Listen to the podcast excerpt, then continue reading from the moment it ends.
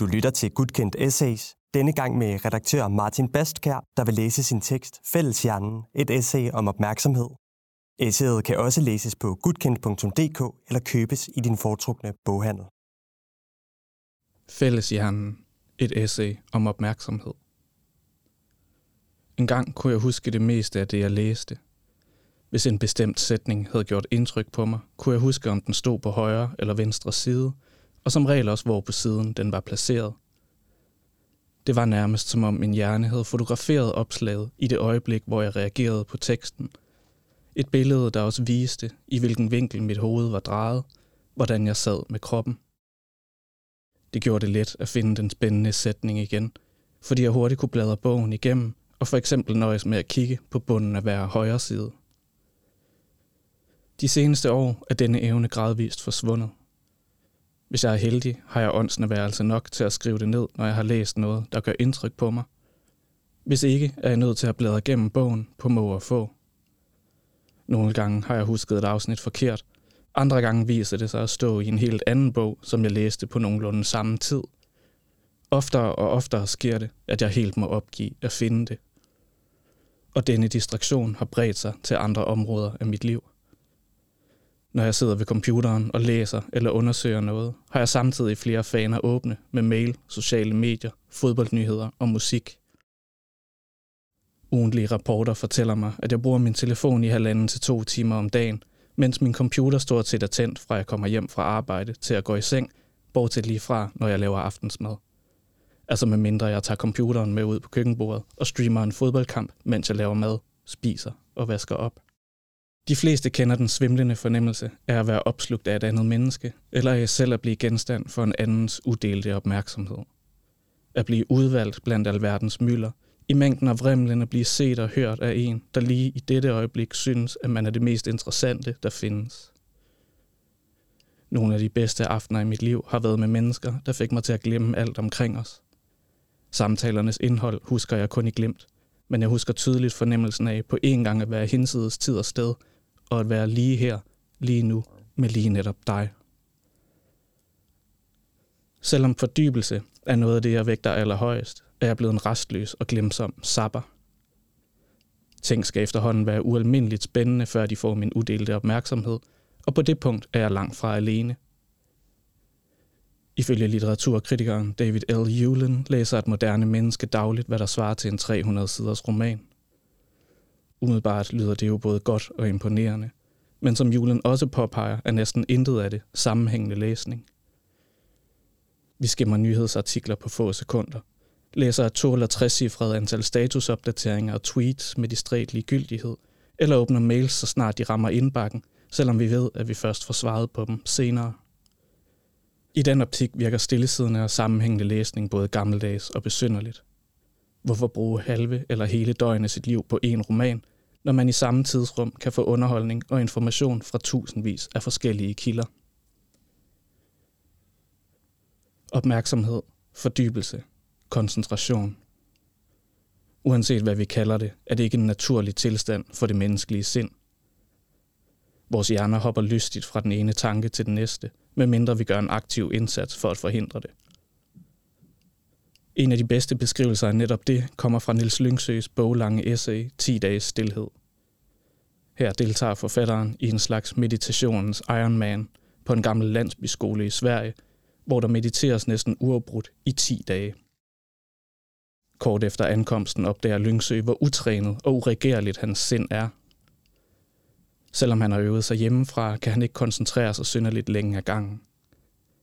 Deltagerne må ikke tale sammen. Faktisk må de ikke engang se hinanden i øjnene. Og den usædvanlige sociale situation får Lyngsø til at indse, at hans tanker har en tendens til at søge tilbage mod ham selv. Hvordan tager han sig ud i andre deltageres øjne? Hvor god er han til at meditere i forhold til dem? Eller rettere, hvor dårlig? For den umiddelbare vurdering er, at det er ham selv, der er forkert. Ifølge Lyngsø er der en oplagt forklaring på, hvorfor det er sådan. Han skriver – det giver evolutionært mening, at det man automatisk tænker på, når man ikke er optaget af noget andet, næsten altid drejer sig om ens position og status, og derfor også om ærgelser og bekymringer, om krænkelser og triumfer i fortid og fremtid. Det, som bevidstheden per default falder tilbage i og bruger sin nedtid på, drejer sig kort sagt om alt det, der er vigtigt for et socialt dyrs overlevelse. En anden ting, Lyngsø bemærker, er, hvordan bevidstheden har en tendens til at reagere på omverdenen med umiddelbar tiltrækning eller frastødning. Uanset om det er en følelse, en tanke eller et sanseindtryk, søger vores bevidsthed mod disse yderpoler, der på ingen tid dømmer noget inde eller ude. Et solstrejf over ansigtet er godt, et ja i ryggen er dårligt, personen foran mig i køen er attraktiv, personen bag mig er farlig. Og det er netop den slags automatreaktioner, som meget moderne teknologi er indrettet efter.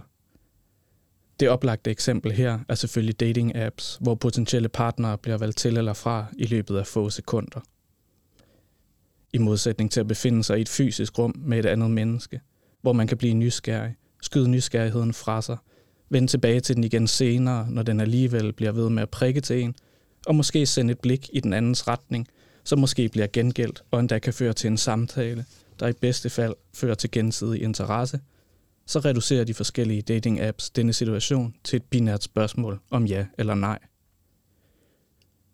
Og i en bredere forstand skaber de sociale medier en oplevelse af, at der altid findes noget bedre længere oppe eller nede i mit feed. Hvis noget ikke umiddelbart virker interessant, kan det ikke betale sig at opholde sig ved det, når noget andet og potentielt mere spændende lurer i horisonten. I det hele taget bliver større og større dele af teknologien brugt til at ensrette vores vej gennem verden. Streamingtjenester og nyhedsmedier udvælger indhold, der passer til den enkeltes præferencer, eller rettere deres algoritmers forestillinger om den enkeltes præferencer. Jo mere du ser eller læser, jo mere vil du blive præsenteret for noget, der ligner det. Den slags kuratering gør oplevelsen let fordøjelig som fast food. Man kan altid få mere af det samme, helt uden at gøre sig umage. I forhold til nyheder betyder det, at jeg risikerer kun at høre om de dele af verden, jeg allerede kender til. Jeg bliver oplyst om begivenheder i den landsdel, jeg bor i, om den slags kultur, jeg i forvejen er interesseret i, og det fodrer en uheldig idé om, at alting handler om mig og mine ligesindede. I 2021 fik Danmark en tiltrængt og længe ventet lov, som gør det strafbart at have sex med en person, der ikke samtykker på de sociale medier var der forudsigeligt nok en hel del, der gjorde sig morsomme på den nye lovs bekostning. Blandt andet foreslog de, at man kunne underskrive en samtykkeerklæring med nem idé, og på den måde forhindre, at man senere blev anklaget for voldtægt. Blot få måneder senere lancerede en gruppe iværksættere en app, der netop gik ud på, at man kunne give sit samtykke til et samleje inden for 24 timer, efter man havde skrevet under. Der er mange ting at sige om denne håbløse opfindelse, men jeg vil her blot nøjes med at konstatere, at den for mig er et af de mest åbenlyse eksempler på, hvordan vi som samfund forsøger at bruge teknologien som et filter, der skal reducere en kompleks situation til noget, der kan klares med et enkelt klik. Samtykke er ikke et binært ja eller nej spørgsmål, som der kan svares endegyldigt på. Samtykke er en vedvarende kommunikation, der kræver nuancer og opmærksomhed. Ved at parkere problemet i en app, skygger man for spørgsmålet om, hvorfor en samtykkelovgivning overhovedet har måttet indføres. Løsningen er ikke at prøve at reducere det, men at lære, hvordan man kan leve i og med det foranderlige. Det er en del af et større politisk spørgsmål om, hvordan vi hver især vil forholde os til vores medmennesker. For mig er det også et helt centralt spørgsmål i litteraturen – noget af det bedste ved litteraturen er nemlig, at den kan give indblik i, hvordan det er at være et andet menneske end en selv. Læsningen kan ikke erstatte møder med andre mennesker, men det kan supplere dem. Når jeg sidder med en bog, kan jeg tilegne mig en andens tanker i mit eget tempo. Jeg kan genlæse dunkle passager eller afsnit, der provokerer mig, og derigennem får jeg mulighed for at undersøge, om min modstand var en automatreaktion, eller om den opstod med rette.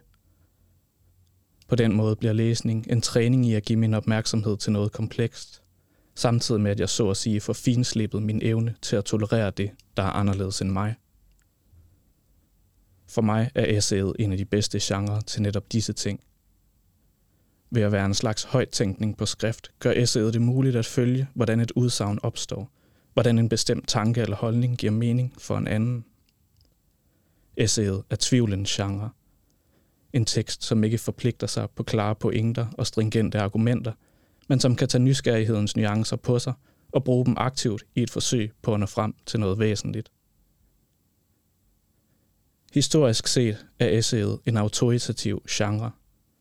Typisk skældner man mellem det formelle essay, som behandler sit emne savligt og logisk, og det uformelle, som er langt mere personligt og associativt. Essayets franske ophavsmand Michel de Montaigne dyrkede det uformelle, mens englænderen Francis Bacon praktiserede det formelle. Både Bacon og Montaigne tilhørte eliten i deres samtid. Essayet var kun noget, man havde tid og råd til at skrive, hvis man var nogen. Det bærer genren stadig præg af.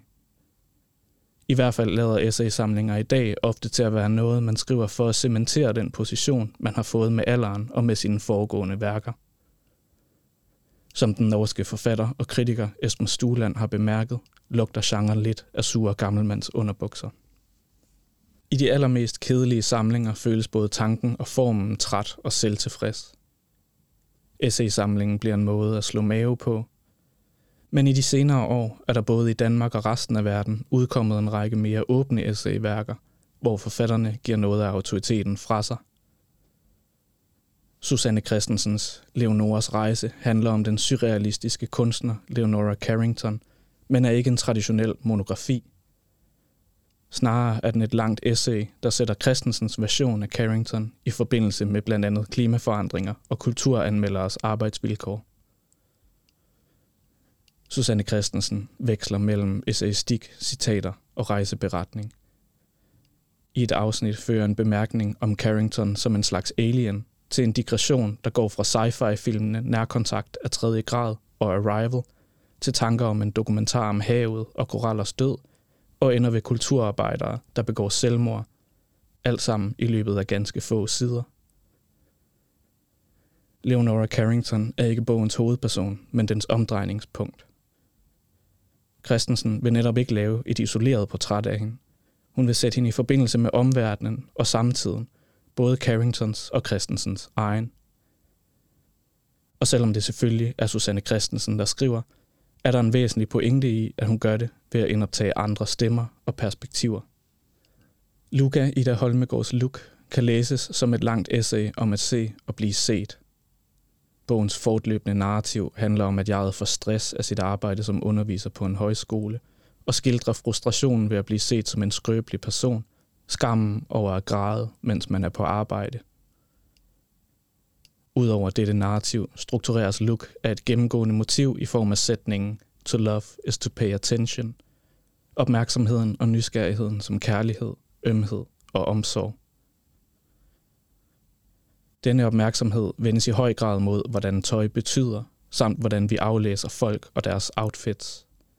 Som der står et sted. Hvad kan man vide om et menneske ved at læse deres tøj, deres look? Min umiddelbare indskydelse. Altid noget, og altid mindre end først antaget. Motivet åbner også for et længere afsnit, som består af utallige opbremsninger, af uønsket opmærksomhed og grænseoverskridende berøringer fra mænd – der opfatter jeget som en slags øjenguff. En person, der har klædt sig på for at blive lagt mærke til af netop dem. Et centralt tema i bogen er jegets forandring fra kønsbinær til queer, fra hun til hen.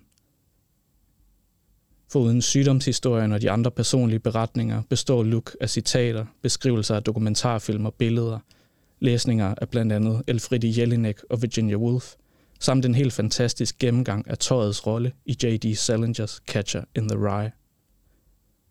Den åbne form handler ikke kun om at formidle en nysgerrighed og lade læseren følge erkendelserne undervejs. Den er også en både eksistentiel og politisk pointe. C.Y. Frostholms Trammuseet handler kort sagt om, hvordan forholdet til naturen ændrer sig, hvis man begynder at forholde sig nysgerrig til den, i stedet for at tage den for givet. Af de bøger, jeg nævner her, er den på flere måder den mest ekstreme.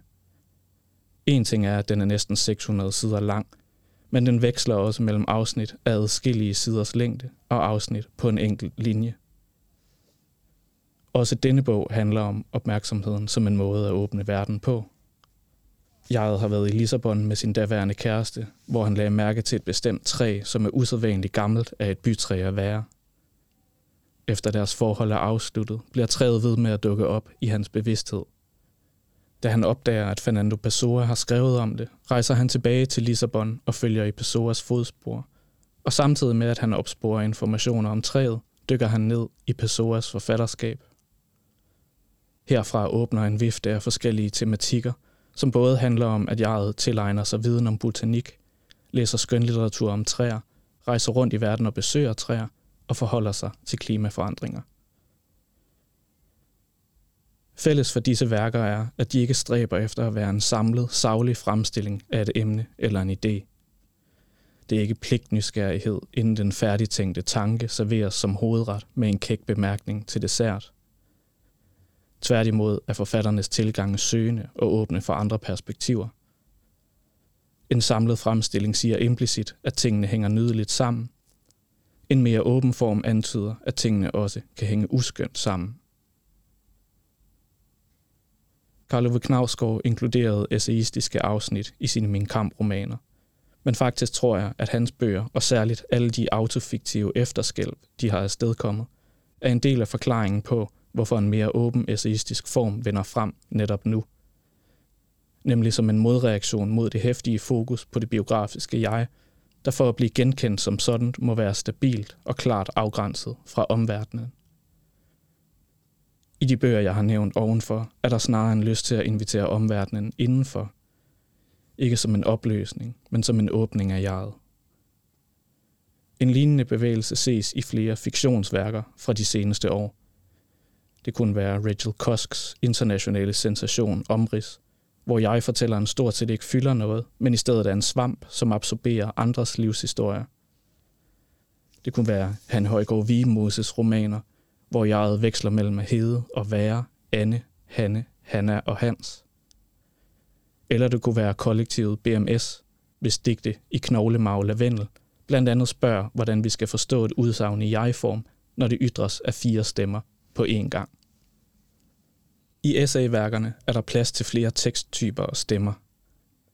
Forbindelserne mellem dem er ikke nødvendigvis tænkt helt igennem, måske fordi de netop ikke kan tænkes helt igennem. Ved at nærme sig et emne fra mange forskellige vinkler opstår en vekselvirkning. Uventede paralleller mellem omverden og emne kan belyse nye aspekter af dem begge, gøre dem rigere og tættere forbundne. I Susanne Christensens bog er et helt kapitel sågar videt til en anden stemme, når forskeren Gloria Orenstein holder monolog om sine møder med Leonora Carrington. For mig at se er den slags skrift, der ikke skråsikkert insisterer på sit eget perspektiv, vigtig i disse tider, hvor politik og debat er inficeret af en snæver personlig vinkel, som ofte er resistent over for det, der modsiger eller nuancerer. Ligesom forsøget på at tyde rumvæsenernes sætninger i Arrival kræver, at vi anskuer vores eget sprog på en ny måde, kan mødet med surrealistisk kunst som Carringtons få os til at se helt anderledes på vores virkelighed og måden, vi konstruerer den på.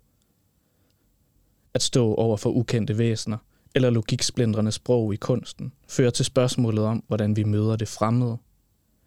Det spørgsmål er samtidig fundamentet og retningen for en nysgerrig anmelders praksis, og således bliver det meste alligevel bundet sammen i Leonoras rejse. Christensens tekst stikker i mange retninger. Nogle forlades hurtigere end andre, og flere af dem bliver der ikke fuldt op på. Men pointen med denne type værker er sjældent de klimakslignende erkendelser, forbindelserne kan lede frem til. Det er forbindelserne i sig selv, der er pointen. Nogle vil måske opfatte værkernes form som tidstypiske tegn på, at vi ikke kan fastholde opmærksomheden. Men jeg tror snarere, at de skal læses som undersøgelser af, hvordan et bestemt emne kan åbne sig for en på helt uforudsigelige måder, hvis man giver det sin opmærksomhed. For Luca Ida Holmegård er det tøj. For Susanne Christensen er det Leonora Carringtons kunst. For C.Y. Frostholm er det træer. Men deres bøger handler også om aktivisme, nænsomhed, sprog, venskab og familie. Og overordnet set handler det om de fællesskaber, der opstår, når vi åbner os for det, der er anderledes end os selv. De tre værker prøver ikke at overbevise mig om, at jeg skal dele deres verdensopfattelse. Snarere giver de mig et generøst indblik i noget, jeg ikke ville få adgang til på egen hånd. At prædike fordybelse, mens man fordømmer sin overfladiske samtid, er vel omtrent den nemmeste måde at signalere til omgivelserne, at man ikke længere er i stand til at følge med i det tempo, de forandrer sig i. I læseren, der forsvandt, karakteriserer David L. Hewlin vores ændrede medieforbrug som sammenbruddet af fortløbende tænkning. Og den dramatiske formulering gør det let at affeje hans pointer som en gammel mands opråb om, at verden er at lave. Alligevel er hans beskrivelse af den fragmenterede bevidsthed for tæt på mine egne erfaringer til, at jeg bare kan afskrive den. En af Julens vigtigste pointer er, at teknologien og vores måde at bruge den på gør os dårligere til at håndtere kompleksitet. Han skriver, vi ser det på blogs, i mails, på talkshows i tv, til offentlige møder og i offentlige forsamlinger. Vi er en kultur, der synes ude af stand til at koncentrere os, til at forsøge at forfølge en tankerække eller tolerere et modstridende synspunkt. På de sociale medier er det vigtigere at reagere end at tænke sig om, og for at et opslag skal kunne afstedkomme en umiddelbar reaktion, må det være let afkodeligt. En enkel og klar pointe, der er forståelig ved første øjekast. Det giver et lille, kortvarigt kick, som man derefter må opsøge igen et andet sted. Men det, der vækker vores nysgerrighed, det, der får os til at tænke, er det komplekse. Det, der ikke samler sig og lader sig afkode øjeblikkeligt, men som snarere fører til undren, forvirring, måske endda provokation. Sådan bliver vi udfordret, og sådan får vi udvidet vores horisont. Jeg tør ikke tænke på, hvor mange udsagn og oplysninger, der på mine mest distræte dage får lov at passere igennem min hjerne, uden at festne sig. Som kunstneren og forfatteren Jenny Odell skriver i How to Do Nothing. Scrolling through the feed, I can't help but wonder, what am I supposed to think of all this? How am I supposed to think of all this? I imagine different parts of my brain lighting up in a pattern that doesn't make sense that forecloses any possible understanding. Many things in there seem important, but the sum total is nonsense, and it produces not understanding, but a dull and stupefying dread. Hvis jeg fik lov at genopleve en hel dags forbrug af sociale medier, ville jeg ikke være i stand til at sige, hvor jeg befandt mig, da jeg så opslagene første gang. Til gengæld husker jeg tydeligt den lange togtur på vej til en begravelse – hvor jeg fordybede mig i Geir Gulliksens samlede essays, eller de nærmest ulideligt varme sommerdage på Samsø, hvor jeg sad i haven og læste Lykkepær. I de 10 dage Nils Lyngsøs meditationsophold varer, mærker han, hvordan hans opmærksomhed lige så langsomt bliver nemmere at kontrollere, og hvor ekstremt præcis den faktisk kan være. Men for mig at se er det vigtigste ved bogen dens beskrivelse af, hvordan Lyngsøs forhold til sit eget selv ændrer sig i løbet af kurset. 10 dages stillhed er langt hen ad vejen et opgør med den gængse forestilling om jeget som administrerende direktør for bevidstheden AS. Som Lyngsø skriver, hvis vi har et jeg, er det højst en presset PR-medarbejder, der, uden at have haft indflydelse på beslutningerne, og uden at være synderligt informeret om, hvad der foregår, forsøger at få en til at tage sig så godt ud som muligt. Gennem meditation lærer han at skabe distance til sine automatreaktioner – at se dem som impulser i stedet for sandheder. Det betyder blandt andet, at han kan forholde sig nysgerrigt til smerten, der opstår i kroppen, i stedet for at forsøge at fjerne sig fra den så hurtigt som muligt. Men langt vigtigere betyder det også, at han får et helt andet blik på de andre kursister. Hvor han i starten følte sig forkert over for dem og blev irriteret, når de gik i vejen for ham, er han til sidst både overvældet og rørt over, hvor let det er at føle samhørighed med dem. På den ene side opfylder denne serie af gudkendte essays tidens krav om, at alting skal gå hurtigt. Teksterne er korte og handy. De kan læses på farten eller over en kop kaffe. På den anden side går de mod tendensen til at forenkle og frisere, indtil der kun er en højt råbende og bestandt pointe tilbage. Christina Stolz skriver et forsvar for tvivlen. Julie Sten Knudsen forsøger at omfavne mørket, og Daniel Dalgaard leder efter maskuline forbilleder i en tid, hvor den traditionelle manderolle er under forandring. Deres essays giver et indblik i, hvad der optager forfatterne, og hvordan de forholder sig til deres samtid. Og måske kan det føre både dem og os læsere et nyt sted hen. At få udvidet sin bevidsthed er sjældent ens betydende med at forvente hele sin verden på vrangen. Tit er det nok at finde en lille løs tråd i det, der lignede en gordisk knude, at opdage en sprække i den mur, der ellers så ud til at være massiv. Du har lyttet til Fælleshjernen, et essay om opmærksomhed af Martin Baskær.